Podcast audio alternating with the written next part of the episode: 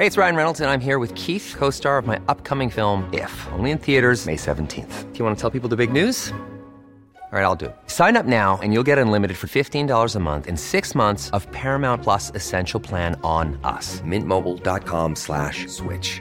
Upfront payment of $45 equivalent to $15 per month. Unlimited over 40 gigabytes per month. Face lower speeds. Videos at 480p. Active Mint customers by 531.24 get six months of Paramount Plus Essential Plan. Auto renews after six months. Offer ends May 31st, 2024. Separate Paramount Plus registration required. Terms and conditions apply if rated PG. Ready to pop the question? The jewelers at BlueNile.com have got sparkle down to a science with beautiful lab grown diamonds worthy of your most brilliant moments. Their lab grown diamonds are independently graded and guaranteed identical to natural diamonds, and they're ready to ship to your door. Go to BlueNile.com and use promo code LISTEN to get $50 off your purchase of $500 or more. That's code LISTEN at BlueNile.com for $50 off. BlueNile.com code LISTEN. Ever catch yourself eating the same flavorless dinner three days in a row?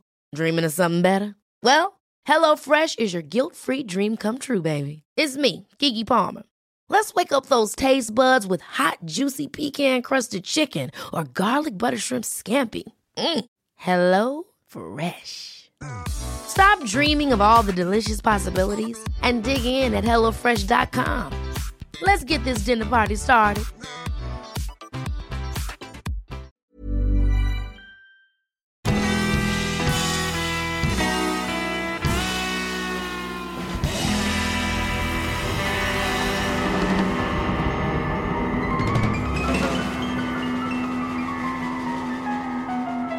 Hej allihopa och välkomna tillbaka till ett nytt avsnitt av Ståpäls Och det är ju vanlig ordning jag, Lukas och... Ida! Mm, Hej! så är det va? Ja, Hej! hur är Ja, läget? jo då, det är eh, bra tycker jag faktiskt. Ehm, att det är. Ehm, det har varit lite...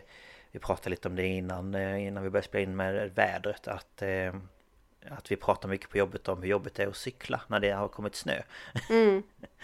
Ehm, så att ehm, det, ja, det har snöat här i varje fall. Eh, vilket det kanske har gjort hela landet känns det som. De senaste dagarna. Ja, i stort sett tror jag väl i alla fall. Ja, så att eh, jag sa att man spänner sig så jäkla mycket när man cyklar så tänker man jag ska inte ramla, jag ska inte ramla, jag ska inte ramla. Nej. Och så känner man hur bakdäcket börjar liksom slira lite och sådär men Mm. Men förutom det så är det bra skulle jag säga. Eh, snön lyser ju upp lite så det känns inte lika mörkt och trist ute. Nej, precis. Ehm, men ja, jobbar och står i sådär som man brukar göra. Men eh, själv då? Ja, men det är bra. Eh, Jag har dragit säsongens första vurpa i i fredags. Mhm. Jaså? Eh, Det var innan snön, så det var bara sånt här blött som hade frusit på morgonen. Jaha. Eh, och så halkade jag och så har jag skrapat upp eh, mitt smalben lite grann. Nej, men, Så att, eh, ja, var det Ja. den enda för i år kanske kan vi hoppas på. Ja, eh, gärna för säsongen. I år är ju Ja. bara en, och en halv månad kvar. Men, Ja men typ. eh, nej men eh, så att, när jag var lite stressad och då Mhm. Ja halkade du jag. brukar men, eh, ju lyckas med det. Förra, var Ja. det förra året du ramlade så du sträckte hela sidan? Alltså Ja. hela eh, ryggen och stjärten Ja, jag var. gör ju oftast den här att jag hinner fånga upp mig halvvägs och då blir det Ja. lätt att jag sträcker mig. Ja men gud ja. Då kroppen spänner ju Eh. sig från 0 till 100 liksom för att fånga Eller- upp vikten. Eller eh, för, förra vintern när jag skulle hem från tåget efter gymmet jag var så trött. Mm. Vi hade väl tränat ben så jag tror jag halkade, vad sa jag, fem eller sex gånger Ja, på en just tio minuters det. promenad. Ja, nej det är inte lätt alltså. Men eh, det är ju... Eh, jag, när jag står på mina två fötter då brukar jag klara mig från att eh, halka. Men man spänner ju sig jättemycket. Det gör man ju både i liksom ben och rumpa och fötter och allting. Eh, men jag kan känna ibland när jag cyklar att jag har bara ren tur att jag inte liksom vurpar. Men Ja, gud ja. Eh, Man försöker ju hålla sig där det är liksom Ja men så lite snö och is som möjligt Mm.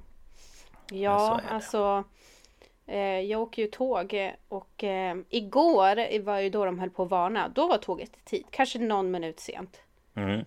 Eh, men idag var det åtta minuter sent så jag fick ju så här smsa Eh, Ah. På det här stället som jag är på och bara Jag kommer så fort jag kan! Ja, ja men såklart. Men det kan inte du hjälpa. Nej, Men och så... all- Vad sa du? Nej men all tågtrafik från eh, Uppsala till Stockholm var ju inställd igår. Ja, jag tänkte på att det är himla bra att du inte jobbar i Stockholm längre. Ja, det är väldigt skönt. Jag har ju en kollega som bor utanför Märsta. Åh fy. Så hon fick åka buss till Arlanda och sen från Arlanda till Uppsala ha sig. Så Ja, att, jag eh, funderar på hur det är för våran kompis som jobbar i Märsta. Just ja. Ja det vet Hur jag han, faktiskt inte. hur han tar sig till jobbet. Vi får väl höra det nästa gång vi ses. Ja men precis. Hur gick det när snön kom? Kunde du ta dig till jobbet? Ja, men han, om, inte, om inte vi frågar så kommer han nog att tala om det för oss. Det tror Nej jag men nog. alltså idag har det varit mer förseningar än vad det var igår faktiskt. Mm. Ehm, så när jag skulle hem så vart jag klar så att det blev så här. Alltså om jag skulle springa så skulle jag hinna. Men Ja. det vill jag inte och det är inte så smart när det är halt. Nej, inte jättesmart. Så man går förbi några mataffärer på vägen. Så jag bara, men jag kan gå in här och kolla. Var jättelänge sedan. Jag, Oj, här har de gjort om. Ja, men då kan jag gå här och titta. Gick där och handlade lite och bla bla bla. Ringer Ja. mamma och pratar i telefon. Går sakteliga mot tåget. Då ropar de ut. Så här. Eh, Mälartåg från Gävle mot Uppsala med avgångstid 11.10 kommer strax in till spår 2 och jag bara Men då hinner ju jag! Ja, du För bara då var det- 11.10. Det. Då var ju det försenat med typ 12 minuter. Jag bara Jaha. nice. Då så jag slapp vänta till 20 i. Ja, det var ju skönt. Jag bara men det kommer ju ett tåg nu. Ja, men du kan ju berätta om idioten som eh, idag... Oh my god. Gör inte så här folk. Alltså tåget stannade här där jag bor. Och ehm, det blev några, jag vet inte, lokföraren trodde att några dörrar var utanför perrongen så han ville att tågvärden skulle kolla innan han låste upp dörrarna. Mm. Och så kommer vi ut och så ser jag hur en kille springer förbi mig i så här, ja men eh, nedre tonåren kanske man skulle kunna säga. Han såg väl ut Ja. typ 14. Eh, och han hoppar alltså ner från perrong, en, per, en perrong, springer över två spår, hoppar upp på en perrong för att sen klättra över ett staket och fortsätta mot skolan här. Ja, Och så hör jag, för jag såg det och han såg att jag såg och jag gav honom ett stink eyes inåt helvete. ja, ja. ja. Men så hör jag tågvärden bara Vad fan håller du på med? Ja, Och killen så här tittar på honom och så bara Vad fan? Vad gör du om det kommer ett tåg? Och killen bara Men jag såg ju att det inte kom något och jag lovar Det gick exakt fem sekunder så blåste ett X2000 förbi. ja. Och Alltså, de är saktar så- inte ner när de kör förbi här för här Nej, nej, stannar nej. de ju inte så att det är ju typ 200 blås. Ja, ja, ja, visst är det det. Nej, det ser idiotiskt så det finns ju inte. Vad tjänade s- han på det? Ja, ungefär 40 sekunder från då att gå ner i, i, i trappen då och upp i tunneln. Det vet ju du hur Ja, lång ja. tid det tar. Ja, men det är ju, alltså det är ju... Ah, Det är så onödigt, så fruktansvärt onödigt. Om det där Ja, tåget hade kommit fem sekunder tidigare så hade han ju blivit träffad. Ja men tänk om han hade snubblat eller halkat omkull. Ja, det var ju det jag skrev också. Eller fastnat någonstans eller... Ja. Och jag eh, skrev till din fru också att hade han blivit påkörd så var det liksom det fulla tåget som jag klev av. En Mhm. full perrong som skulle mot Gävle. Det tåget som då hade kört på honom och liksom all personal som hade ja, men- blivit förstörda av att se det. Sen är det hans familj som blir lidande. Mhm. Och sen så stängs ju all tågtrafik mot Gävle av. Ja, All trafik det från, och mot, och, från och till Gävle och det är liksom Umeå, Sundsvall, alla Ja, de tågen ja, ja. upp dit går ju förbi. Narvik-tåget går för fan till och med förbi här. ja. Alltså Nej, det är... Så... Det är så idiotiskt så det finns ju inte. Spring, inte på spåren. Alltså även om det är bara att du ska under en bom eller någonting lite snabbt. Gör inte det. För Nej. att då måste de. Om någon ser någon i spåret då måste de stänga av all ström och genomsöka området innan tågen får börja gå igen. Ja, och det har man varit med om en jävla många gånger När man åker SJ, bara obehöriga på spåret Man bara, Ja. vad fasen gör ni på spåret? Och jag menar, jag har jobbat på SJs bangård i, i Solna. Och alltså vi fick ju lära oss, där åker ju inte tågen särskilt snabbt. Men Nej. fortfarande, säg att ett tåg kommer i 30 km i timmen. Alltså det är en sån enorm bromssträcka. Ja, Så att även om lokföraren ser dig kan de inte göra någonting. Nej, nej, nej, nej, nej.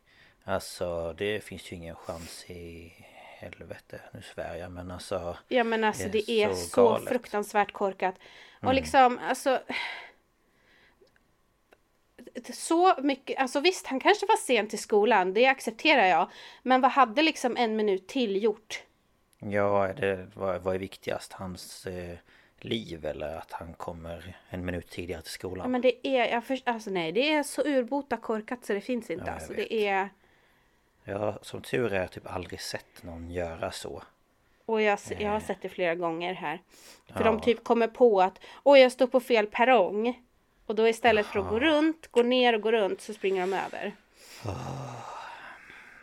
Mm, ja, nej, det gör aldrig så. Det är så himla Nej, gör inte det. För att det, det, kan, det skadar så otroligt många både, både psykiskt och ekonomiskt. För att som Ja, ja, din ja. fru också sa, kul för alla om, om han hade blivit påkörd och det blir stopp.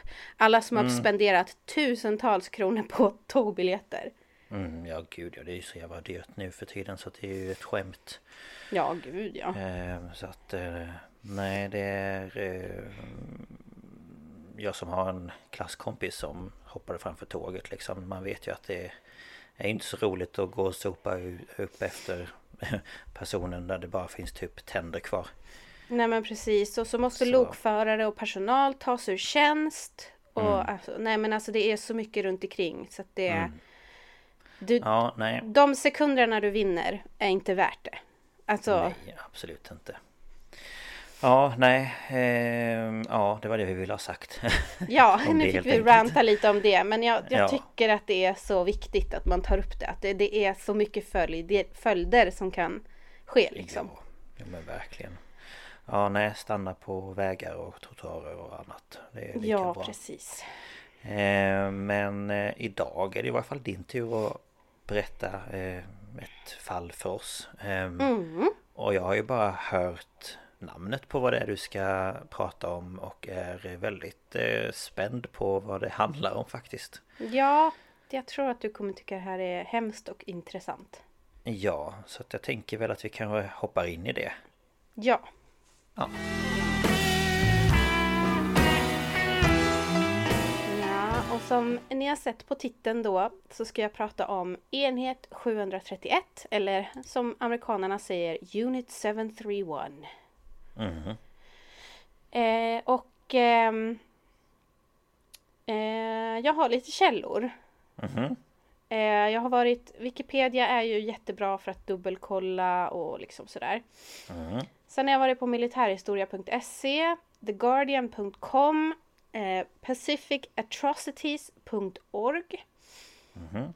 eh, unit731.org, allthat'sinteresting.com och så har jag kollat på en dokumentär från 1998 som heter Unit 731 Night, mm, Varför kan jag inte säga det? Nightmare in Manchuria. Night, night, night, night, night. Nej, nightmare, nightmare. Och eh, en till dokumentär från 2010 som hette Doctors of Death. Mhm. Och eh, sen kollade jag på ett Youtube-klipp från kanalen eh, In, Into the Shadows. Eh, Unit 731 Imperial Japan's Human Experimentation Laboratory. Okej. Eh, Ja. Och eh, som ni hörde där så kommer inte det här bli trevligt. Och jag Nej. vill utfärda en varning. För tyckte man att av, avsnittet där jag tog upp Josef Mengele och hans experiment på Auschwitz var lite för jobbigt. Så säger jag att vi hörs nästa vecka. Ja, för det här är för värre. att det här, det här är värre. Mm. Det här är, det här är värre. Mm. Eh, för här far människor fruktansvärt illa och det är inte bara vuxna. Alltså det här är... Mm. Det Så bådar ju eh, inte så gott. Men ja, Nej, så tycker ni att Josef Mengele är för jobbig att lyssna på så hörs vi nästa vecka. mm.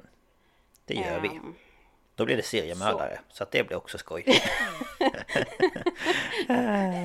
Ja, då kanske vi inte hörs då heller. Men Det är pest eller kolera lite så. ja, li, lite så. Ja. Ehm, Men, men ja. i alla fall. I veckans avsnitt ska vi ta oss till Ostasien, eller Östasien, hur man nu vill säga. Vi Mm. ska till Japan och Kina. Och vi ska tillbaka till första halvan av 1900-talet. För att inte nog med att det var oroligheter i Europa som sedan, som vi vet, blev storskaligt krig när Tyskland anföll Polen den 1 september 1939 så var det oroligt även i öst. Ehm, och jag har tagit lite, och, och med betoning på lite, alltså det är pytte pytte pytte pytte pytte om historien, hur det, hur det ligger till här. Eh, för det finns mycket och jag kan inte ta allt. Då Nej, sitter vi nej, här till såklart. nästa vecka. Ja, Eh, ja nej. Vi kan inte göra. men eh, i Japan så var det något som kallades för Meiji-restaureringen. Eh, även känt som Meiji- Meiji-renoveringen, revolutionen, förnyelsen eller reformen. Och det här var en politisk händelse som återställde ett praktiskt imperialistiskt styre till Japan 1868 och då under kejsare Meiji. Jag vet inte om jag uttalar det rätt men Ja, det vet inte jag heller. Men det låter bra. Eh, ja, jag kan ju inte japanska eller kinesiska så det här får bli som det blir. Ja. Men efter den här restaureringen, eller vad man nu vill kalla det, 1868, så strävade Meiji-regeringen efter att liksom assimilera västerländska idéer, liksom tekniska framsteg och eh, olika sätt att föra krig. Eh, I slutet av 1800-talet hade Japan förvandlat sig till en moderniserad industristat och japanerna ville bli erkända som, som jämställda med västma- västmakterna. Ehm, och under åren 1869 till 1873 hade Seikanron, eller erövra Korea-argumentet. Fint namn. Det hade bittert splittrat den japanska eliten, för en fraktion ville erövra Korea omedelbart. Och en annan ville vänta tills Japan moderniserats ytterligare innan man inledde ett krig för att erövra Korea. För Korea ville man ha. Mhm, Okej. Det, så är det. Ja, ja. ja. Japp. Och eh, greve Inoue Kauru, Kauru, han var i alla fall i, utrikesminister. Han höll ett tal 1887 och sa vad vi måste göra är att förvandla vårt imperium och vårt folk. Göra imperiet som länderna i Europa och vårt folk som folken i Europa. Och han fortsatte med att säga att kineser och koreaner i huvudsak hade förverkat sin rätt att vara oberoende genom att inte modernisera. Okej. Det är jätte, jättelogiskt argument. Ja, verkligen. ja. Eh, och mycket av trycket för en aggressiv utrikespolitik eh, i Japan då kom underifrån med förespråkare då för folkets rättigheter och eh, liksom den rörelsen. Som krävde ehm, ett valt parlament som också gynnar en ultranationalistisk linje som då tog det för givet att japanerna hade rätten att annektera Korea. Jag förstår inte riktigt hur de resonerar här. Men Korea ska vi ha, så är det bara. ja, det är så det är. Eh, och som en del av den här moderniseringsprocessen i Japan så var socialdarwinistiska idéer om liksom den starkaste överlevnad, du vet det där survival of the fittest. Ja, precis. De idéerna var vanliga från 1880-talet och framåt och eh, man hade mycket skatter på folket och vanliga japanerna de ha- hatar ju det här såklart. Ja. Eh, men det här krävdes ju då för att eh, finansiera en modernisering av Japan och folket ville ha något påtagligt som någon slags belöning. Och då menade man att en koloni utomlands skulle liksom vara lön för mödan då. Ja. Och dessutom var Meiji Japans utbildningssystem tänkt att utbilda skolpojkar till soldater när de växer upp. Och då indoktrinerade japanska skolor sina elever till Bushido, eller Bushido, jag vet inte hur man säger, men det är krigarens väg betyder det. Och det här är liksom eh, mottot för samurajerna. Mm, okej. Eh, och efter då indoktrinerat de yngre generationerna i Bushido fann Meiji-eliten att de ställdes inför ett folk som, som ville ha krig. Och diplomati såg som en svaghet. Ah. Eh, så att, eh, mm. Mm. Nu lämnar vi Japan lite och går till Ryssland som då eh, inte ser ut som det gör idag. Utan det var ju Tsarryssland som var en då stor eh, imperialistisk makt. De hade Ja. också ambitioner då till öst från dem. Det här blir ju väst från Japan men öst ifrån Ryssland. Ja, precis. Och Ja. på 1890-talet så hade de utveck- utvidgat sitt rike för över Centralasien till typ Afghanistan och då absorberat liksom lokala stater i processen och där kan vi ju tänka att de tog över liksom men jag tror att de var i Kazakstan och ja, men lite sådär. Mhm, ja. Och det ryska imperiet sträckte sig nu då ifrån Polen till Kamtjatka-halvön i öster. Ehm, Okej. och eh, man ville då eh, ytterligare befästa sitt inflytande och sin närvaro i regionen. Så då byggde man den transsibiriska järnvägen till hamnen i Vladivostok. Mm. Ehm, så att eh, Ryssland var ju rotade från sitt håll och Japan ville rota från sitt håll. Men var Ryssland större då än det är idag? Ja, Eller är det mindre? det blir det ju. Eh, Ja. Nej, alltså det var ju större. Ja, okej. Eh, Mm. Jag tror till och med det var större än vad Sovjet var. Mhm, okej. Jag är inte helt säker, men du får tänka det liksom från Polen till Afghanistan. Ja, det är Det är en bit. ganska stort. Ja. Yes, yes. Då vet jag. Jag bara tänkte. Ja. Eh, Sen kom det något som kallas för Tsushima-incidenten 1861. Och då hade Ryssland direkt anfallit japanskt territorium. Så att det blev eh, lite spänt däremellan. Mm. Men det första stora kriget som imperiet Japan utkämpade efter Meiji-restaureringen var mot Kina. Eh, och det här är från 1894 till 1895. Eh, och eh, det kretsade kring frågan om kontroll och inflytande över Korea. Okej. Så att det, Korea får liksom inte bestämma själv. Men de är inte med i, i gamet. Nej, alltså bara, okej. de, eh, de, eh, ja, de, får bara är där. Ja. Och då var det den så kallade Joseon-dynastin som styrde i Korea. Ehm, och från 1800-talet och framåt, 1880-talet och framåt så var det en hård konkurrens om inflytande i Korea mellan Kina och Japan. Men till slut så undertecknade de eh, Shimonoseki-fördraget som överlät Liaodong-halvön och ön Taiwan till Japan. Jag vet inte riktigt vad Liaodong-halvön är, men eh, Nej, inte jag heller. det kan ni kolla upp om ni vill. Ja. Googla det. Och efter det här fredsfördraget så tvingar Ryssland, Tyskland och Frankrike Japan att dra sig tillbaka från Liaodong-halvön. Eh, och Japan eh, gav efter då för att de tänkte att herregud, vi kan inte stå emot de här tre länderna. Liksom så. Nej. Men de överger inte sina försök att tvinga in Korea i den japanska påverkanssfären. Och den 8 oktober 1895 så mördades drottning Min av Korea. Hon var ledare för det anti-japanska och pro-kinesiska, en, en sån här fraktion eller vad man kallar det. Ehm, hon var det liksom ledaren för den gruppen då vid koreanska hovet. Och hon mördade av japanska agenter i hallarna av, och nu ska jag, kommer jag slakta det här, men Gyeongbokgung-palatset kanske? Ja, ja. Kanske.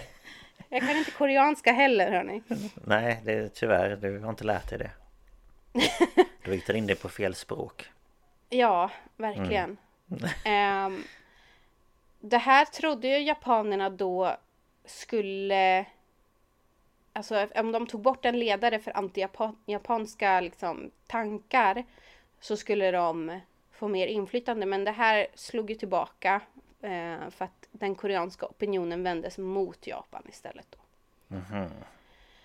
Okej. Och sen i, i början av 1896 så flyr kung Gojong av Korea till den ryska legationen i Seoul.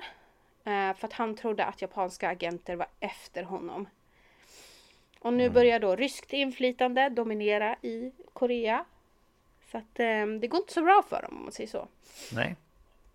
Men i efterdyningarna av kungens flykt störtade ett folkligt uppror den pro-japanska regeringen och flera regeringsministrar lynchades. Så att, eh, mm, trevligt. Okej. Ja. Eh, men vi är inte klara med liksom eh, oroligheter än. För i december 1897 så dök en rysk flotta upp utanför Port Arthur. Eh, och det blev liksom spänt där då. Men efter tre månader så förhandlar Kina och Ryssland fram en konvention. Eh, där Kina arrenderar Port Arthur till Ryssland. Så att de får eh, ja, hyra kan man väl säga. Okej. Okay. Mm. Och det gällde också Talian One och omgivande vatten då. Mm. Och de eh, var överens om att det här kunde förlängas. Um, och ryssarna liksom körde på. Så de ockuperar territoriet och befäster Port Arthur. Och det här är deras enda varmvattenhamn på Stilla havskusten. Och det var ju värt väldigt mycket. Mm. Såklart. Och ett år senare, eh, för att liksom visa att vi, vi ska stanna här, så börjar ryssarna bygga en järnväg från Harbin genom Mukden till Port Arthur. Och den kallas för South Manchurian Railroad. Mm. Eh, och det här blev sen ett, en bidragande faktor till det så kallade Boxerupproret. Och vill ni veta mer om det får ni läsa om det. Mm. Ja. Eh, det är alltså ett, ett kinesiskt uppror. Mm. Eh, och nu börjar ryssarna göra intåg i Korea. Eh, och ett proryskt kabinett dyker upp i det koreanska imperiet. Eh, och 1901 så sa, sa tsar Nikolas den andre till prins Henrik av Preussen, eller Preussen kanske man säger. Mm. Jag vet inte annars hur man skulle säga. Han Nej. sa i alla fall, jag vill inte ta Korea, men un under inga omständigheter kan jag tillåta Japan att etablera sig där. Det kommer bli en casus belli. En casus belli är alltså en, en krigsförklaring eller krigsstart. Mm -hmm. liksom. Ja, ja, ja, okej. Okay. Eh, mm. Så att eh, det var liksom Ryssland och Korea de ville inte ha dit Japan, Kina ville lägga sig i. Nej men det var liksom... Uh. Det var en röra. Ja. Mm. Eh, men eh, 1898 så hade ryssarna förvärvat gruv och skogskoncessioner nära floderna Yalu och Tomen och det här gjorde japanerna oroliga och de bestämmer sig att anfalla innan ryssarna fullbordar den transsibiriska järnvägen. Och de mm. utfärdar en krigsförklaring den 8 februari 1904 men innan den här, tre timmar innan den officiella krigsförklaringen så attackerar den kejserliga japanska flottan eh, Port Arthur. Nämen, jaha. Eh, och eh, det här ska ha chockat tsar Nikolas den andre. Eh, för han ska ha blivit nästan vantrolig enligt en eh, första sekreterare vid den brittiska ambassaden. Okej. Okay. Eh, och det blev officiellt krig eh, åtta dagar senare. Så att eh, mm. de mm. bråkar med Ryssland, de bråkar med Korea, de bråkar med Kina. Mm. Eh, men Qing-imperiet i Kina eh, gynnar den japanska positionen och erbjöd till och med militär hjälp mot Ryssland, men Japan avböjde. Eh, men man skickade dock sändebud till japanska generaler eh, för att eh, leverera mat och alkohol och ja, lite sånt. Mm. Och infödda manchurier gick med i kriget på båda sidor som inhörda trupper. Det var väl för att tjäna pengar. Men eh, till slut då efter år av strider så tog man ett erbjudande från USA president Theodore Roosevelt. Där yes. han ska medla. Mm -hmm. Och eh, man skriver på en, en, eh, ett fördrag då den 5 september 1905. Mm. Men det är fortsatt oroligt och Japan vill inte riktigt hålla sig till sin plats. Och Kina, det är ju... Det är bra. Det, det, mm. det vill vi ha. Mm. Så det ledde så småningom, så småningom till det andra kinesisk-japanska kriget mellan 37 och 45 och de årtalen känner vi ju igen. Ja. Men eh, vi ska inte riktigt börja där utan vi ska tillbaka till tidigt 30-tal för 1931 så invaderar Japan regionen Manchuriet till följd av lite mindre dispyter som kallas Mukden-incidenten. Eh, och jag orkade inte ta upp den också. Nej, såklart. En bomb detonerar den 18 september 1931 eh, 31, 31. 31, japp. i närheten av ett järnvägsspår mellan Harbin och hamnstaden Port Arthur. Och det har jag ju berättat om. Det är ju den transsibiriska Mm. Järnvägen då som man ville, ville spränga. Men det här gick inte så bra för eh, skadorna var lindriga så att man kunde fortsätta. Jaha, ja ja. Tjej fick dem. Ehm, men eh, man använder det här ehm, som någon slags svepskäl för någon invasion. Jag vet inte riktigt hur de tänkte där. Men man mobiliserar i alla fall den så kallade Kwantung-armén längs hela järnvägslinjen. Och februari ni- 1932 så är området erövrat. Och då upprättade man en lydstat under namnet Manchu Manchukuo. Okej. Man kunde inte ens låta det heta Manchuria. Så. Nej. Eh, och i efterhand har det framkommit att generalerna för Kwantung-armén eh, begick ordervägran eller Jeko, Jek, Jekokuyo när de genomförde ockupationen för att ledningen i Tokyo var emot den. Mhm. Men ehm, det är ett faktum att de har då annekterat en del av Kina. Och nu kommer vi då till enhet 731. Mm. Eh, och det är så att Japan startar sitt biologiska vapenprogram på 1930-talet. Delvis för att biologiska vapen förbjöds genom Genèvekonventionen från 1925. För att de tänker då, ah, de förbjuder det här för att det är väldigt effektivt. Mm. Och man bestämmer sig då för att bygga en enhet i Manchuriet eftersom ockupationen inte bara gav jap- japanerna en fördel att separera liksom, en forskningsstation från sin ö. Utan eh, det gav också dem tillgång till så många kinesiska individer som de ville som de kunde liksom använda då som försökspersoner. Mhm. Okej. För att de ser då kineserna som gratis forskningsämne. Ja. Okej. Ja. Ehm, och majoriteten av de här var ju kineser men det fanns också andra nationaliteter. Vilket kommer eh, liksom senare då ehm, bland annat har amerikaner råkat ut för det här. Eh, ryssar. Eh, så. Men eh, amerikanerna de, de, de, det är ju inte en på ett tag utan det Nej. kommer ju. Men eh, 1932 placerades generalkirurg Shiro Ishii. Han var chefsläkare för den, kine- den kejserliga japanska armén och arméminister. Ehm, han blev placerad som befäl över Army Epidemic Prevention Research Laboratory. Och han organiserar en hemlig forskargrupp som heter Togo-enheten för kemiska och biologiska experiment.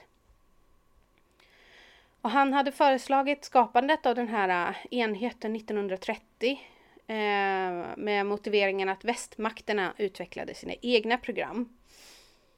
Och det, det fanns eh, sådana här studier i Europa. Jag tror bland annat Tjeckien, tror jag.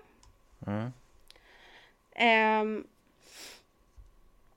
en av hans främsta anhängare inom armén var en överste som hette Koizumi. För han, och han tjänstgjorde sedan som Japans hälsominister från 41 till 45.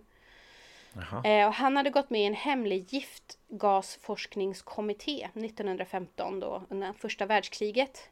Ehm, För han och andra arméofficerare var, eh, fra, var imponerade av den framgångsrika tyska användningen av klorgas. Ja. Ehm, det var vid ett slag vid Ypres, tror jag man säger, där de allierade led 15 000, nej 5 000 dödsfall och 15 000 sårade. Med den här gasen. Ja, det tyckte man var, det såg bra ut det där, det där tycker jag vi ska. Det var bra grejer. Så att eh, då tar man den här enheten Togo i rörelse i Zongma-fästningen. Och Det här var ett fängelse slash experimentläger eh, i Beinhe, en by 100 kilometer eh, söder om Harbin då eh, i Manchuria. Och fångar där matades i allmänhet väl på en diet av ris eller vete, kött och fisk och ibland även alkohol. För att de liksom skulle vara vid normal hälsa när man börjar experimentera. Det, eh, experimentera. Ja, på dem alltså. Ja. Eh, sen under flera dagar så tömdes fångar så småningom på blod och berövades näringsämnen och vatten och deras försämrade hälsa registrerades. Och andra smittades medvetet av bakterier och mikrober och jag kommer komma mer till det. Så de tömdes på blod? Ja, man ville se vad blodförlust eh, gjorde om man var eh, infekterad av olika sjukdomar. Men, jaha, okej, okay, ja. Mm, mm. Mm, ja. Det låter helt koko för oss, men för dem var det helt logiskt. Ja, men jag bara så här, tömde någon på blod, ja men utan blod då dör du ju. Ja. Men man tog ju inte allt på en gång. Eh, nej, okej, nej. Man tog olika mycket och då, ja. Inte för att det är okej, men alltså jag bara så här. Nej men, eh, nej, men jag förstår hur du menar. Ja. Men man, man kunde tömma dem liksom man kanske hade några stycken och så testade man att tömma dem olika mycket och sen gjorde mm. man lite mer. Alltså du förstår så, det är helt sjukt. Men... Ja, jag förstår. Eh, men sen var det då 1934 så var det faktiskt några fångar som eh, lyckades rymma. Mm -hmm. eh, och det här gör att Ishi stänger den här fästningen i fruktan för eh, både så här, biologiskt sabotage och för att ja, nu kunde ju någon få ja, höra om kan, det här. Ja, men upptäcka dem liksom. Ja, mm. men eh, det gjorde ju inte att man slutade utan nu skulle man bara flytta och expandera. Ja, okej. Okay. Så han utnämns till befälhavare över en ny enhet som gick under det officiella namnet Avdelningen för förebyggande av epidemier och vattenrening. Mm. Och eh, den här integrerades i armén och fick kodnamnet Enhet 731. Mm. Okay. Och han fick tillstånd att flytta till Pingfang som var ett, ett eh, kluster av åtta småbyar. Och nu flyttar man närmre eh, Harbin blir det väl. Mm. Ja, eh, 100 kilometer söder var ju den förra och den här var 24 kilometer söder om Harbin. Jaha, ja, men då var det ju närmare. Eh, jag var tvungen att dubbelkolla. Mm. Och här skulle man då bygga en större anläggning och civilbefolkningen här utsätts för samma procedur som vid det förra lägret och man tvångsrekryterar 15 000 invånare för att bygga den här enorma anläggningen. Mm -hmm. Och eh, det var inte en bra behandling så att de, de avled ju på olika ja, sätt. Såklart. Eh, Ishi och hans forskare flyttade in 1938 och resultatet blev en märklig blandning av dödsläger och en spainrättning. För det fanns både simbassäng och bordell för de japanska soldaterna. Nämen. alltså va? Ja. Ah, och eh, för att inte upprepa samma misstag då som mm. vid den förra, att folk rymmer. Så blev, byggde man en mur som var fem meter hög försedd med vakttorn, elstängsel och taggtråd. Mm. Ja, Men för att fånga. inte liksom dra misstankar mot den anläggningen så sa man att det här var ett sågverk. Ett sågverk? Och, eh, ja. Behöver man ha fem meter höga murar då? Och taggtråd? Det är jättehemligt hur man gör faktiskt. Ja, ingen får se hur man sågar. Alltså vi Nej. har en metod här inne som är bäst. ja. Mm. Logiskt. Men ja. ja. ja. Och eh, 1936 så utfärdar kejsare Hirohito ett dekret som godkände utvidgningen av enheten och eh, då integrationen i armén. Eh, och förutom inrättande av 731 så krävde det här också att man skapar ytterligare en enhet för utveckling av biolog biologisk krigsföring kallad Kwantung Army Military Horse Epidemic Prevention Workshop eller Manchuria Oj. Unit 100. Ja, det var ett långt namn. Ja. Eh, och man gjorde också en utvecklingsenhet för kemisk krigsföring kallad Kwantung Army Technical Des Testing Department eller Manchuria Unit 516. Mm Okej. Okay. Och efter den japanska invasionen av Kina 37 så grundas systerenheter för alltså alla möjliga grejer. Alltså det fanns avdelningar i Peking, Nanjing, Guangzhou eh, och Singapore bland annat. Eh, och alla de här enheterna är liksom eh, Ishis lilla nät som han mm. basar över. Och på höjdpunkten av det här 1939 så basar han över 10 000 personal. Oj! Det var mycket. Eh, och läkare och professorer från Japan lockades att ansluta sig till de här enheterna.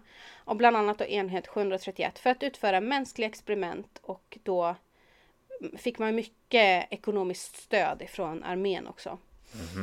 Okej. Och ett speciellt projekt med kodnamnet Maruta använde människor för experiment. Och eh, testpersoner samlades från den omgivande befolkningen och man kallade då dem för Maruta.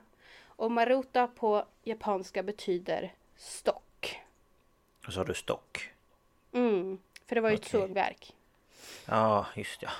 Och under sina tester då så använde man då eh, till, till exempel t- frasen Hur många stockar föll? Aha. Så att eh, man, man liksom såg dem inte ens som människor, man såg dem som objekt. Ja, det är ju galet. Eh, och ehm, vissa säger att det här då är ett skämt för att man kallade det här för timmerbruk eller sågverk. Men eh, det finns en, en före detta anställd som ehm, sa att man också kallade projektet internt för Holzklotz. Och det är tyska för eh, stock. Och då var det en ytterligare liksom parallell till vad nazisterna gjorde i Tyskland. Och, eller ja, i, i Europa, inte bara i Tyskland. Men, Nej. Ehm, Ja. så att man visste ju vad de höll på med om man liksom... Mm. Ja. Ja, ja, ja. Ja, herre min. When you're ready to pop the question, the last thing you want to do is second guess the ring. At Bluenile.com, you can design a one of a kind ring with the ease and convenience of shopping online. Choose your diamond and setting. When you find the one, you'll get it delivered right to your door. Go to Bluenile.com and use promo code LISTEN to get $50 off your purchase of $500 or more. That's code LISTEN at Bluenile.com for $50 off your purchase. Bluenile.com code LISTEN. Hold up. What was that? Boring. No flavor. That was as bad as those leftovers you ate all week. Kiki Palmer here, and it's time to say hello to something fresh and guilt-free. Hello Fresh. Jazz up dinner with pecan-crusted chicken or garlic butter shrimp scampi. Now that's music to my mouth. Hello Fresh. Let's get this dinner party started. Discover all the delicious possibilities at hellofresh.com. Eh, och forskare i enhet 731 publicerade också sina resultat i såna här peer-reviewed tidningar. Alltså man publicerar och så får man såna här peer review, typ som vi har fått på uppsatser och sånt där. Ja, ja, ja. Mm. Och man skrev om- som om forskningen hade utförts på icke-mänskliga primater som bland, annat kallades Manchurian monkeys eller long-tailed monkeys. Men det var ju människor. ja, det var ju inte alls rätt. Nej. Och eh, en amerikansk historiker som heter Sheldon H. Harris, han skrev Togoenheten använde fruktansvärda taktiker för att säkra exemplar av utvalda kroppsorgan. Om Ishi eller någon av hans medarbetare ville forska om den mänskliga hjärnan skulle de beordra vakterna att hitta ett användbart prov till dem. En fånge tog från hans, togs från hans cell och vakterna skulle hålla honom medan en annan vakt krossade offrets huvud med en yxa. Hans hjärna skulle utdragas till patologen och sedan till krematoriet för det vanliga bortskaffandet. Men ursäkta mig. Så de typ högg huvudet av med en yxa. Ja, de slog sönder huvudet för att de kom åt hjärnan. Ja, de slog sönder huvudet. Men alltså. De tänkte inte på att de kunde krossa hela jävla huvudet och hjärnan och allting när de bankar sådär. Nej men då hade de ju bara någon ny de kunde gå och hämta vet du. Ja, i och för sig. Alltså det Nej men alltså det låter ju bara så här som att de knäcker ett ägg liksom. Ja men typ, ja men vi tar här och så knäcker vi skallbenet lite och så plockar vi ut hjärnan. Det är väl ingen fara med det. Ja men precis. Ja, men det är helt sjukt. Ja. Ehm, fångar injiceras med sjukdomar men man förklädde det som vaccinationer. Eh, för man ville studera dess effekter. Och eh, för att studera effekterna av obehandlade könssjukdomar infekterades manliga och kvinnliga fångar medvetet med syfilis och gonorré som man sen då studerades och man eh, utsatte fångar för upprepade eh, våldtäkter. Mm. Eh, och tusentals män, kvinnor och barn och spädbarn internerades i krigsfångeläger och utsattes för vivisektion utan narkos och vanligtvis med dödlig utgång. Eh, och en vivisektion är alltså en dissektion eller operation när någon är vaken och inte har bedövning. Mm. Och det tycker jag är så fruktansvärt. Ja. Att man kan göra så mot människor. Det pratade vi ju om förut också i ett annat avsnitt men Mm. Att det är ju Ja Smärtan och paniken och Nej oh, Helt sjukt Ja. Och sådana här vivisektioner utfördes på fångar efter man då hade till exempel smittat dem med sjukdomar. Forskare utförde invasiv kirurgi på fångar och tog bort organ för att studera effekterna av sjukdomar på människokroppen. Ibland amputerade de någon lem för att studera blodförlust och borttagna lemmar fästes ibland tillbaka fast på den motsatta sidan av offrets kropp eller Nej eller så vissa fångar fick sina magar kirurgiskt borttagna och matstrupen ned, återmonterad ner till tarmarna. Men va? Ja. Och eh, vissa andra fick delar av organ såsom hjärna, lungor och lever borttagna. Men ursäkta mig Hur kan man Ja. ens liksom tänka att nu ska jag Nu ska du inte ha någon bedövning här och nu ska vi hugga av dig ditt ben Och så sätter vi fast det på andra sidan av kroppen för det kan ju bli roligt att se hur det funkar. Mm. Eller Nu tar vi dig här, du, du lever men vi tar bort dina lungor så kan du inte andas. Så ska vi se vad som händer. Eller vi testar att ta bort en halva din lunga och ser hur det funkar. Eller? Ja. Det är ju helt utan bedövning Tänkte du liksom. Ja. När du ska operera i eh, lungor och sånt Då måste du väl knäcka bröstbenet? Ja, För att du ska komma åt de eh, tar hjärt- väl bort revben och Ja, jag tror det i varje fall att man knäcker och öppnar upp och det är ju... Mm. ju eh, ehm, ja Så Ja. det. Ehm, mänskliga mål används också för att testa granater. Nej Eh, nej men alltså det här är... Ja, ja, jag, jag måste bara säga att jag skrattar inte för att jag tycker det är roligt Det vet ni Nej men det, det, det. Det, låter ju inte som att det här är på riktigt. Nej, det låter som en jävla Det- det- science fiction eh, film Ja. Och inte nog med det så testar man flamkastare på människor. Det här är levande människor. Och man band dem till pålar och använde som mål för att testa patogenfrigörande bomber, kemiska vapen, splitterbomber med varierande mängder fragment, fragment, explosiva bomber och bajonetter och knivar. För att citat bestämma det bästa behandlingssättet för olika grader av splitter som ådragits på fält av japanska soldater. Alltså, ja. Eh, ja, Eh, om man då exponerade kinesiska fångar för direkta bombexplosioner och de var fastspända oskyddade på träplankor som slås ner i marken på liksom eh, ja men eh, väl uttänkta avstånd från en bomb liksom så här jämna mellanrum. Mm. Och eh, man testade då liksom så här, "Ja, men vi säger att den här, de här ska stå 10 meter ifrån. Då har vi en som är helt naken, en som har lite skydd, en som har lite mer skydd och en som har mycket skydd. okej Och så, så detonerade och så hade de samma då på en, en jämna mellanrum tills liksom de var nöjda med avståndet. Men ja, det är ju rena avrättning Ja, och i den här äh, dokumentären Mardröm i, i Manchuria så sa de det var operation för de flesta, obduktion för resten. mm. Ja, Ehm, I andra tester så berövar man försökspersonerna på mat och vatten för att se hur lång tid det tar man dör. Och det här gjordes på barn, vuxna och till och med nyfödda. Nej Man placerar personer i lågtryckskammare tills deras, ög- deras ögon ploppar ur. Experimenterade för att bestämma förhållandet mellan temperatur, brännskador och mänsklig överlevnad. Man hängde folk upp och ner tills de dog. Eh, man krossade folk med tunga föremål. Man utsatte dem för elektricitet. ja. Och man satte dem framför varma fläktar för att torka ut dem. Och eh, det man också gjorde var att man placerade fångar i centrifuger och snurrade dem tills de avlider för att studera G-kraften på människokroppen. För då gjorde man forskning för japanska soldater, för ja, flygsoldater. Så piloter heter det.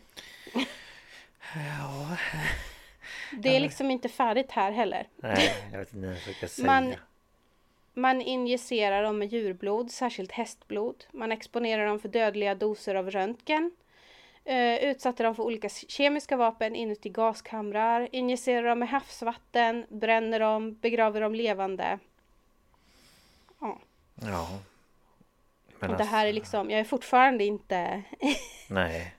jag är Jag inte liksom klar. Ehm, Nej. Jag tänker bara för att nämna, att kross, alltså Ja. så här, släng, tappa tunga föremål på dem och krossa dem. Alltså, ja det gjorde man väl vid olika, olika grader då för att studera krossskador och vad man kan göra åt det. jo, jo, jag vet. Jag bara tänker att du ligger där fastspänd och så kommer ett jävla stenblock mot dig. Ja men det låter ju nästan som såna här äh, tecknade serier där de blir mosade av ett piano från ingenstans. Ja men typ Tom och Jerry eller eh, Ja. Kalle Anka då, fan vet jag. Ehm, men alltså det är ju helt galna. Centrifugeras tills du dör. Alltså det är ju... Mm. Ah, det är så sjukt. Ja, och det är liksom en, en, en halv, hälften av allt de gjorde liksom. Mm. Eh, några exempel av gifter var då att man exponerar fångar för tetrodox, tetrodox, va? tetrodotoxin. Mhm. Det är ju fugogift, du vet blåsfisk. Mm, mm, ja. Eh, man gav dem heroin, Korean Oh, nice. bindweed, det vet inte jag riktigt vad det är. Nej. Bactal och resinoljefrön, eller resin, det är ju oerhört eh, laxerande. Mm, ja, ja, ja. Ehm, och som jag sa då så dränerade man enorma mängder blod från fångar för att studera effekten av blodförlust. Eh, och då är det en, eh, en tidigare person som har jobbat med det här som hette Fukumatsu. Han sa i ett fall tog, minst en, tog man minst en halv liter blod med två till tre dagars mellanrum. Oj. Och som jag sa tidigare så gjorde man uttorkningsexperiment. Och dessa eh, gjorde man med syfte då för att bestämma mängden vatten i en individs kropp och se hur länge man kan överleva med mycket låg till inget vattenintag. Eh, och ibland så testade man att svälta personerna Ja, innan. Okay. Och um, Hal Gold sa i um, något som heter Japan, Japans ökända enhet 731 från 2019 att det sades att ett litet antal av dessa stackars män, kvinnor och barn som blev marotas också mumifierades levande i totala uttorkningsexperiment. De svettade ihjäl sig under värmen från flera varma torra eh, fläktar. Vid döden skulle liken bara väga en femtedel av en normal kroppsvikt. Men gud.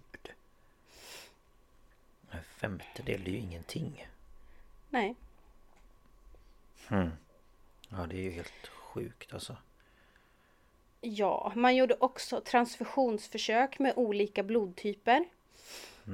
Eh, och eh, till exempel då när man injicerar eh, typ A i en typ O-individ så steg kroppstemperaturen 2 grader under 30 minuter. 60 minuter senare var pulsen 106 och temperaturen 39,4. Och Oj. tempen började på 35. Aha. Två timmar senare var temperaturen 37,7 och tre timmar senare återhämtade sig försökspersonen. Ehm, och sen testade man då olika mängd eh, fel blod. Okej. Eh, så att, eh, det var ju också kul tyckte de. Ja, nej det Ehm. låter ju inte jätteroligt. Enhet 731 hade också en by- ett byggnad tillägnad gasexperiment. Där testar man bland annat senapsgas, eh, levisit, syra, cyansyragagas, vit fosfor, adamsit och fos, fosgen, fosgengas. Eh, och där är det en eh, före detta armémajor eh, som har berättat anonymt att han 1943 deltog i ett giftgastest. Och då var det en glasväggig kammare som var cirka 3 meter i kvadrat och 2 meter hög. Och inuti den så hade man en kines med ögonbindel som satt Ja. fast vid en stolpe. Och då fyllde man eh, kammaren med adamsit eller nysgas. Jag vet inte riktigt vad det här är. Nej. Men eh, när gasen fyllde kammaren så fick den här eh, personen våldsamma hostkramper och led av olidlig smärta. Eh, mer än tio läkare och tekniker var på plats och efter att ha tittat i tio minuter stod inte den här soldaten ut. Nej. Ehm, så att han lämnade. Ja, då förstår man ju att det är ju galet. Ja. Och en före detta medicinsk arbetare på 731 eh, berättade att han såg en västerländsk man, antagligen då en ryss eller amerikan, som var vertikalt skuren i två delar inlagd i en burk med formaldehyd. Nej. Han gissade att det var en ryss. Ska- Alltså, alltså klyven på liksom Från tårna till huvudet eller rakt över midjan? eh, på längden måste det bli vertikalt. Ja, nej men gud. Så om du tänker från grenen upp till skallen. Ja, men det är ju helt sjukt. Ja. Vad skulle de göra med den kroppen? verkligen- Och titta på hur den ser ut eh, Ja, inuti. alltså de sparade mycket i formaldehyd. Halva huven och... Men alltså det är... Men vad var, var det här 43 sa du eller? Som de ja, gjorde det de var då gas- den här... Eh, det var inte bara 43, men det var 43 som den här mannen berättade. Ja okej. Så men började de med detta innan eller efter man började med det i, i liksom koncentrationslägren i, runt om i Europa? För det var väl också samma tid som man gasade ihjäl folk? Ja, alltså jag vet ju inte hur medvetna man var i Japan exakt, för vi i Europa var ju ganska oblivious till när eh, koncentrationslägren började. Ja, ja. Men det var väl där, alltså det är det som är helt sjukt, att det pågick sånt här och så har vi liknande grejer som pågår i Japan under samma tid. Ja. Ja det är det som är helt sjukt ju. Ehm, så det här är ju eh, i närheten av där eh, samma Ja. tid som Auschwitz satte igång och Ja, ja, ja. Hmm. Ja, det är galet. Ehm, och, och i de här gastesterna hade man ju också det här att man testade låter dem använda olika sorters gasmask för att se vilken som funkar. Man lät dem ha olika slags uniformer till inga kläder alls. Alltså, Mm. och som jag berättade då så fanns det ett experiment där man dokumenterar hur lång tid det tar för en tre dagar gammal bebis att frysa ihjäl. Ja, det tar inte lång tid kan jag tänka mig. Eh, tre, jag tror det tog tre dagar. Ja, det förstår jag. Eller jag vet inte om det bara var utan vatten. Jag kommer inte ihåg vad de sa nu. Nej. Ja, det är ju... Ja, nej. Det... Ja. jag vet inte vad jag ska säga, men det är fruktansvärt. Ja. Eh, och sen så utsatte man ju då eh, fångar från, eh, för, för olika slags förhållanden för senapsgas. Mm. Eh, eh, och det var ju också det här. Eh, vad för kläder? Inga kläder? Hur långt ifrån? Och sen eh, observerade man deras allmänna tillstånd och vilka skador de fick. Ehm, och man tog, vissa fick ju blåsor eh, av det här. Och då tar man blåsvätskan från en patient och, och injicerar den i en annan. Uh, why? Varför skulle man göra det? Eh, för att man, vill, man ville se vad som hände. Ja. Jag vet inte. Vad trodde de skulle hända känner jag. alltså, Ja. ja. Och sen så finns det ju då alltså olika rapporter. Alltså från från eh, 7 september till den 9 september till exempel olika tidpunkter då på morgonen och på kvällen exakt eh, hur en person har eh, har liksom blivit. Så säg den 7 september klockan 18 så är han trött utmattad, ser ut med ihåliga ögon, gråtande rodnad i huden i den övre delen av kroppen. Alltså antagligen röd och svettas. Mm. Eh, ögonlocken är svullna hyperemiska bindhinnor. Vet inte riktigt vad det betyder. Och sen kan vi hoppa då till sista 9 september 1940 då klockan sju. Då är patienten, eller jag säger patient, men Ja. eh, trött och utmattad, svaghet hos alla fyra extremiteter, låg moral, kroppstemperatur 37 grader, huden i ansiktet gråter fortfarande, alltså han svettades. Mm. Så gjorde man så. Och arméingenjör His Hisato Yoshimura han genomför experiment eh, med förfrysning. Så att han tar ut fångar, doppar dem olika kroppsdelar i vatten med varierande temperatur och låter kroppsdelen frysa. Eh, när de väl var frusna så slog de fångarna med en kort käpp och man beskrev att den frusna kroppsdelen avger ett ljud som liknar det som en bräda ges när den slås. Nej men fy sjutton skubbar i luften. Aj, aj, aj, aj, aj. Sen eh, eh, hackar man bort isen och eh, testar då olika behandlingar på den här kroppsdelen. Man spolar den med vatten i olika temperaturer. Man stoppar den i eld. I eld. Ja, man ska smälta. Jag vet inte Lukas. Jag var i eld, va? Men alltså... Eh, om, Fri, man vet ju själv bara man fryser som ett finger. Man har ju panik Ja. typ. Tänk dig då hela Ja. jävla ben och ska de banka på det så det tjongar till som jävla jag vet inte vad. Och sen ska de banka bort isen. Man bara men amputera bort benet istället snälla. mm. Ja, nej. Ja. Eh, personal på den här enheten beskrev Yoshimura som en vetenskaplig djävul och ett kallblodigt djur. Mm, Eh, och en medlem, eller en arbetare på enhet 731 beskrev på 1980-talet en hemsk scen som han bär med sig där Yoshimura hade två nakna män placerade i ett område där det var 40 till 50 minusgrader. Alltså vi får tänka det här är i Sib- Sibirien. Ja. Det är så kallt. Och forskare eh, vad ska man kalla det? Ja men de tog kort och filmade och skrev ner exakt vad som hände tills de här personerna frös ihjäl. Ja, dokumentera. Mm. Och Yoshimuras brist på ånger var så uppenbar i en artikel eh, som han själv skrev för Journal of Japanese Physiology 1950. Där han erkände att han hade 20 barn och ett tre, gammalt, tre dagar gammalt spädbarn i ett experiment och ex- exponerade dem för noll graders is och saltvatten. Nej, men. Ja, då har man inte mycket eh, empati och medmänsklighet. Nej, det Så att kan säga. man väl lugnt säga.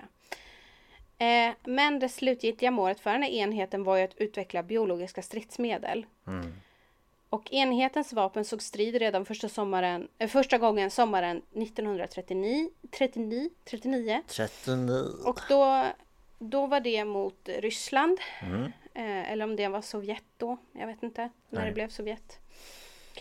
Men eh, då kallade man in enhet 731 och två kommandotrupper trupper paddlade över floden till den sovjetiska sidan av en flod och släpper, släpper över 20 liter koncentrerade salmonella och tyfoidbakterier i vattnet.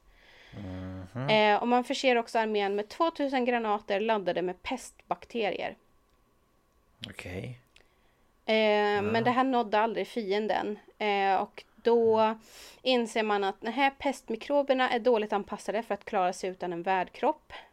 Okej. Så.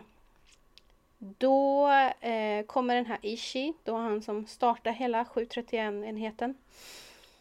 Eh, han eh, tycker att eh, ja, men det här kan vi jobba vidare på. Ja. Och ehm, man kom på att ja, men, till exempel loppor och myggor de kan ju bära mikrober långa avstånd. Ja. Och till och med liksom reproducera mikroberna i sin egen vävnad och vilket det då ökar smittans effektivitet. Men hur skulle man förmå de här insekterna att liksom nå sitt lopp, med må, va? mål? Måttlopp? Bara, Nu vet jag inte vad vi pratar om längre. Men det är bara för att jag pratar om loppor, vet du. Då ja, blir det det. blir lopp och det blir allt möjligt. Eh, och man började experimentera med råttor som då bär pestsmittade loppor. Och eh, man sätter djuren i en pappersbehållare med små fallskärmar som ska släppas från luften. Nej men. Men man kan inte styra var råttorna springer. Nej, Det här var inte bra. såklart. Eh, och då fick man tag på en existerande bomb som heter Uji-bomben. Men den var ett stålhölje och det här är inte optimalt för att leverera loppor. Men då finns det ett material som finns i överflöd i närheten av Pingfang, nämligen keramik. Ah. Och man gjorde då en keramikbomb som rymde 3000 till 6000 loppor inklusive en och annan råtta så att insekterna hölls vid liv länge. Men alltså ursäkta. Ehm, råttorna dör vid nedslag vilket får lopporna att leta efter mänskliga värdar. Ehm, så att... Eh, mm. Trevligt.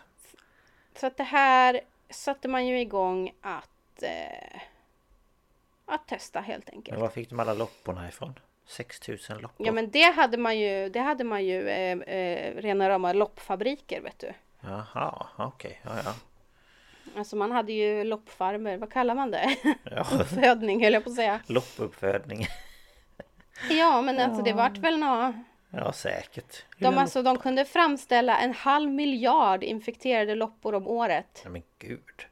Det är ju galet mycket. Ja. Ja, då kan de göra bomber av de där jävla lopporna. Men, men man måste ju testa det här då. Och eh, pestinfekterade loppor uppfödda då i laboratorierna på enhet 731 och 1644 sprids med lågflygande flygplan över kinesiska städer då. Nej. Och det är bland annat kustnära Ningbo och Changde i Hunan-provinsen och det här skedde 40 och 41. Och det här dödar tiotusentals människor i böldpest. Det kan jag tänka mig. Sen också... testar man också besprutning. Eh, över staden Kshu, eller hur man nu säger. Eh, där skördar smittan sitt första liv en månad därpå. Och sex år senare har smittan dödat 50 000 människor. Oj! 50 000. Det är ju jätte... Det här, det här tycker ju Ishi, ledare på 731, är för långsamt. Jaha. Ja, alltså det kan inte ta sex år, alltså det är för lång tid. Ja, nej, det är ju skandal förstår du. Ehm, så att man gör en expedition till Nanjing och då sprider man tyfus och paratyfusbakterier till brunnar, kärr och hus i staden. Samt att man kontaminerade godis och gav till barn på gatan. Nej. Och eh, epidemier bryter ut och eh, forskarna blir väldigt upprymda och de drar slutsatsen att paratyfus var den mest effektiva av patogenerna. Okej. Ja. Eh, och minst 12 storskaliga biovapenfältförsök genomfördes och minst 11 kinesiska städer attackerades med biologiska medel. En attack på Changde ledde, som jag sa då, till eh, cirka 10 000 offer. Eh, och eh, man skadade faktiskt eh, 1700 av sina egna japanska trupper. Ehm, för att de var dåligt förberedda och de flesta blev då smittade av kolera. Mm, Okej. Eh, och under experiment med biologiska bomber skulle forskare klädda i skyddsdräkter undersöka de döende offren. Så att de gick liksom runt och bara Ja, här ligger du och dör. Hur ser du ut? Har du feber? Så. Ja. Man infekterade livsmedelsförråd och kläder som man sen släppte med flyg i områden i Kina som inte ockuperades av japanska styrkor. Eh, och som jag sa då, pestloppor och allt sånt eh, inneslutna i bomber släpptes. Det här resulterar i kolera, mjältbrand och pest som beräknas ha dödat minst 400 000 ki- civila kineser.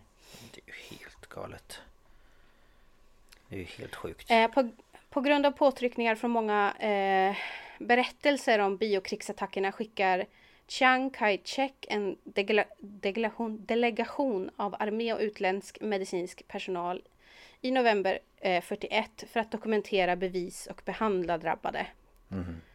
Det är alltså en, en kines som då Miljöpartiet. Ehm, och en rapport om den japanska användningen av pestinfekterade eh, loppor på Changde gjordes allmänt tillgänglig följande år. Men eh, det är inte förrän Franklin D. Roosevelt utfärdar en offentlig varning 43 och fördömer attackerna som liksom det här tas upp ordentligt. Mm, Okej. Under den sista månaden, månaden av andra världskriget under kodnamnet Cherry Blossoms at Night var planen för enhet 731 att de skulle använda kamikaze-piloter för att an- angripa San Diego. Ehm, och den här eh, planen var planerad till den 22 september 1945 men Japan kapitulerar fem veckor tidigare den 15 augusti. Ehm, och exakt hur många som verkligen totalt har dött ehm, vet man inte. Men det uppskattas vara upp mot 600 000 för att då och då blommar smittan upp Och i Ningbo ungsjuknade folk i pesten så sent som 59. Eh, men eh, enhet 731 har inte stängt än utan när Röda armén börjar närma sig så fick man lämna i all hast. Allt material förstördes, de sista infekterade råttorna släpptes lös på landsbygden. Fångarna avrättas, eh, vittnen och tvångsarbetare blir skjutna. Cyanidpiller delas ut till all personal. Ja. Ehm, och anläggningen sprängdes men eh, vissa av byggnaderna stod kvar när sovjetiska soldater anländer. Och vid den internationella militärtribunalen i för Fjärran Östern där japanska politiska och militära ledare ställdes inför rätta efter kriget så menar amerikanerna att forskningsresultaten var för värdefulla för att man skulle bortse från dem. Och enhet 731 krigsförbrytelser förbrytelser togs upp den 29 augusti 1946. Men åtalet läggs ner enligt uppgift på direkt order av Douglas MacArthur, en amerikan då. Ja. Och i utbyte, utbyte fick den amerikanska ockupationsmakten ta del av forskningen från enhet 731. Okej. Eh, Sovjetunionen dömde däremot 12 personer från enheten under Chabarov, Chabarovsk-rättegångarna i, i december 49. Alltså det var från general till korpral, alltså det var Alla. All, från hela skalan liksom så. Mm. Ingen kom undan. Nej. Och däribland så dömdes befälhavaren för Kwantung-armén, Yamada Ot- Otoso, han dömdes till straffarbete. Men de flesta som var inblandade i enhetens experiment fick faktiskt framstående positioner i efterkrigets, eh, efterkrigstidens Japan. Bland annat då han köldskade-idioten Hisato Yoshimura. Jaså? Han blev professor vid kvinnors universitetet i Kobe. Nej. Ehm, och efter att man borde ju avrättas. 1989, ja gud ja. Ehm, 1989 så råkade man gräva upp en massgrav från andra världskriget vid ett nöjesfält. Då fick den japanska regeringen för första gången motvilligt medge att et- enhet 731 hade experimenterat med biologiska vapen på civila. Och först 2002 bekräftade en domstol i Tokyo att bevisen för krigsbrotten i Kina var överväldigande. Ändå dömde man inte till krigsskadestånd till de drabbades familjer. Nej. Eh, det var alltså 180 kinesiska familjer, offer och familjer, eh, som stämde den japanska regeringen Ja. och krävde en ursäkt, kompensation och fullständigt avslöjande av enhet 731s verksamhet. Men det gick man inte med på med argumentet att dessa hade redan utbetalats i samband, i samband med tidigare internationella fredsavtal. Och än idag väntar offer och offers anhöriga på en officiell ursäkt från Japan. Ja, det förstår jag. Definitivt. Fy fan. Ja, så det är enhet 731 i Japan. Men han jävla idioten som kom på den här skiten Levde han efteråt eller fick, dog han? Ja, Han levde? ja ingen, blev ju, ingen blev ju straffad till någonting. Liksom. Nej, alla de borde ju få utsättas för alla Ehm, sakerna som de har blivit utsatta det, för. det var ju USA som bara, nej men om ni ger oss all er forskning så gör vi ingenting. Ja, USA. Ska ni alltid vara och förstöra. Ja. Ja. Men alltså... Vad ska, och sen känner jag, ja visst vad ska de göra med den där forskningen? Tänker jag. Alltså... Det är väl... Ja, jag vet inte. Alltså deras argument var ju, antar jag lite så här, de här människornas eh, offer av sina liv ska inte bara brännas upp utan Nej, nu det- när de har dött för det här så kan vi Ja, det kan jag ju i sig förstå att eh, det behöver ju inte vara förgäves liksom. Nej, Men sen eh, så- så jag förstår ju båda sidorna men jag tycker att det är fel att de kom undan. Ja, det tycker jag Eh, också för att det... För det gjorde ju inte nazisterna. De som inte lyckades fly Nej. blev ju, alltså de- blev ju både dömda till fängelse, livstidsfängelse och Mm. till döden. Ja, ja, ja. Visst blir de det. Och jag menar den här jävla idioten borde ju definitivt bli dömd till döden. Ja, Så att, eh, att kunna få jobba vidare med människor och ha sig det, nej, där. ja men en av de här snubbarna blev ju utrikesminister och du hörde ju en blev professor. Och, Ja. Nej jag fattar inte det. Alltså det är så... Det är så mycket att ta in så man blir ju helt... Jag vet inte. Ja, och jag ramlade över ett klipp på TikTok om det här. Bara något kort klipp och jag tänkte men herregud det här har inte jag hört ett dugg om. Nej inte jag heller. Och jag, jag fattar, vi europeer vi har ju men en tredje rikets slags- Ja. eh, krigsbrott och, och liksom tänka på men alltså det här är ju så bortglömt. Det är så skjutet åt sidan. Men det var Och väl då också det är att liksom det hann... inte... Eh, Men att det hände precis samtidigt som andra världskriget. Ja, jag- att jag det är tror det. som överskuggade eh, Ja, jag händelsen. tror det. För att alltså det de höll på med är ju, det är ju på samma nivå om inte värre. Mm. Ja, ja, ja, ja. Nej men det är ju helt sinnessjukt att man kan få göra så här mot människor och inte bli straffad för det. Mm. Ja, nej. Jag vet inte ens vad jag ska säga. Nej, men, nej, men jag kände att det, det kändes viktigt för mig ja, att, vi, att jag tar upp det här för att jag har inte hört talas om det. nej. Nej, nej, nej. Eh, inte Jag, jag har inte läst om det i skolan, ingenting. jag har inte lärt Ehm, någonting och det detta. får liksom inte glömmas bort att det här skedde liksom. Nej. Nej det tycker jag inte att det ska göra utan eh, Men det är väl det också att eh, Beroende på var man bor i världen så lär ju man ju sig olika saker i skolan och vi lär ju inte oss om liksom historia om Japan och Kina och så på det sättet. Nej. Nej. Så att eh, Ja Men, nej, men det är eh, det var viktigt. ju som sagt var, ja, och det var ju som sagt var inte bara kineser utan det här var ju som de säger PO, POWs, prisoner of, prisoners of war. Mm. Eh, så att det var ju eh, bland annat någon slags eh, bataljon eller vad man nu kallar det av amerikanare som var i straffläger. Mm. Och det var det någon som berättade för de eh, var med i en dokumentär den där på 90-talet. De, det var ju några som levde fortfarande och de sa att det var faktiskt några av oss som blev tagna till enhet 731 och sedan dess hörde vi ingenting. Mhm. Så att det var inte bara kineser utan det var Andra också. ja olika slags fångar då. Ja Ryssar, säkert koreaner. Ja. säkert. Ja nej det är eh, Det är eh, sjukt. Mm. Fruktansvärt. Och just att gå på barn, alltså småbarn, spädbarn som är nyfödda. Det är så här, vad har de gjort dig? Ja, alltså jag förstår inte hur man kunde se ett, ett, människor överhuvudtaget, men speciellt då barn, lida så och, och utsätta dem för det här och liksom inte och se dem men, som eh, någonting annat. Alltså inte acceptera att det här är ett människobarn.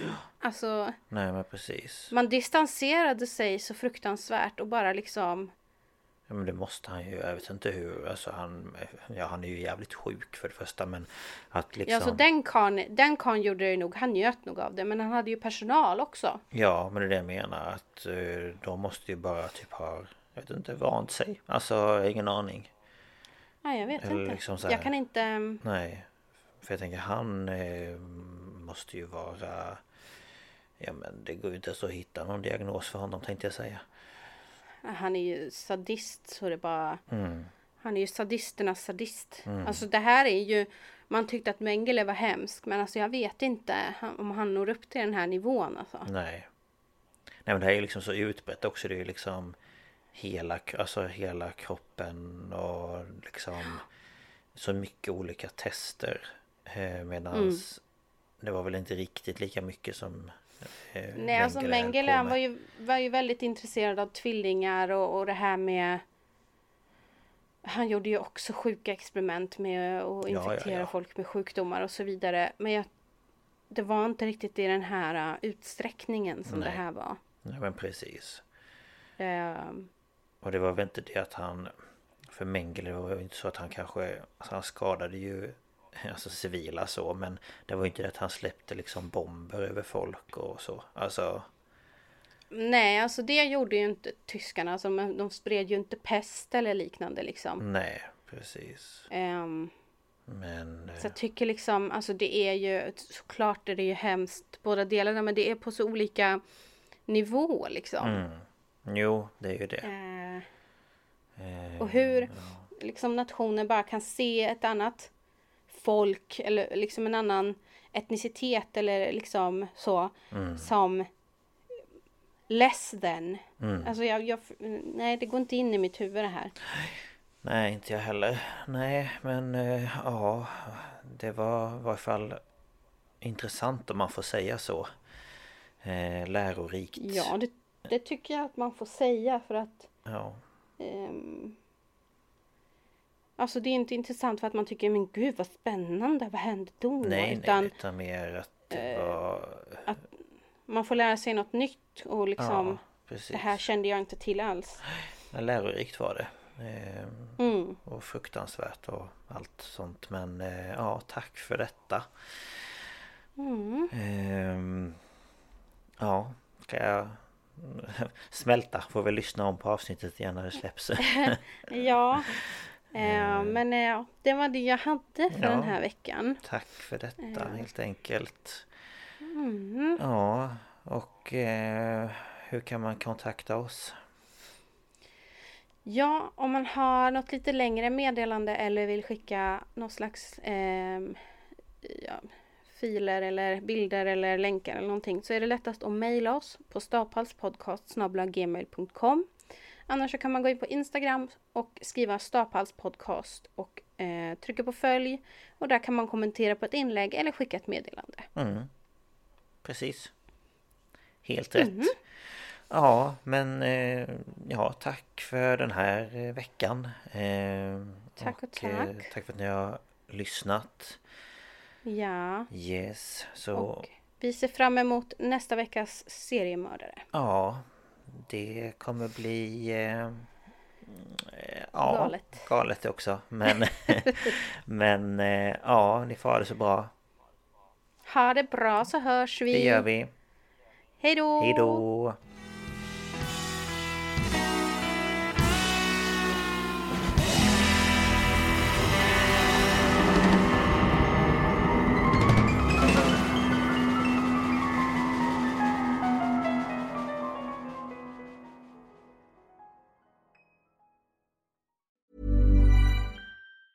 Even when we're on a budget, we still deserve nice things. Quince is a place to scoop up stunning high-end goods for 50 to 80% less than similar brands. They have buttery soft cashmere sweaters starting at $50, luxurious Italian leather bags, and so much more. Plus, Quince only works with factories that use safe, ethical, and responsible manufacturing. Get the high-end goods you'll love without the high price tag with Quince. Go to quince.com slash style for free shipping and 365-day returns.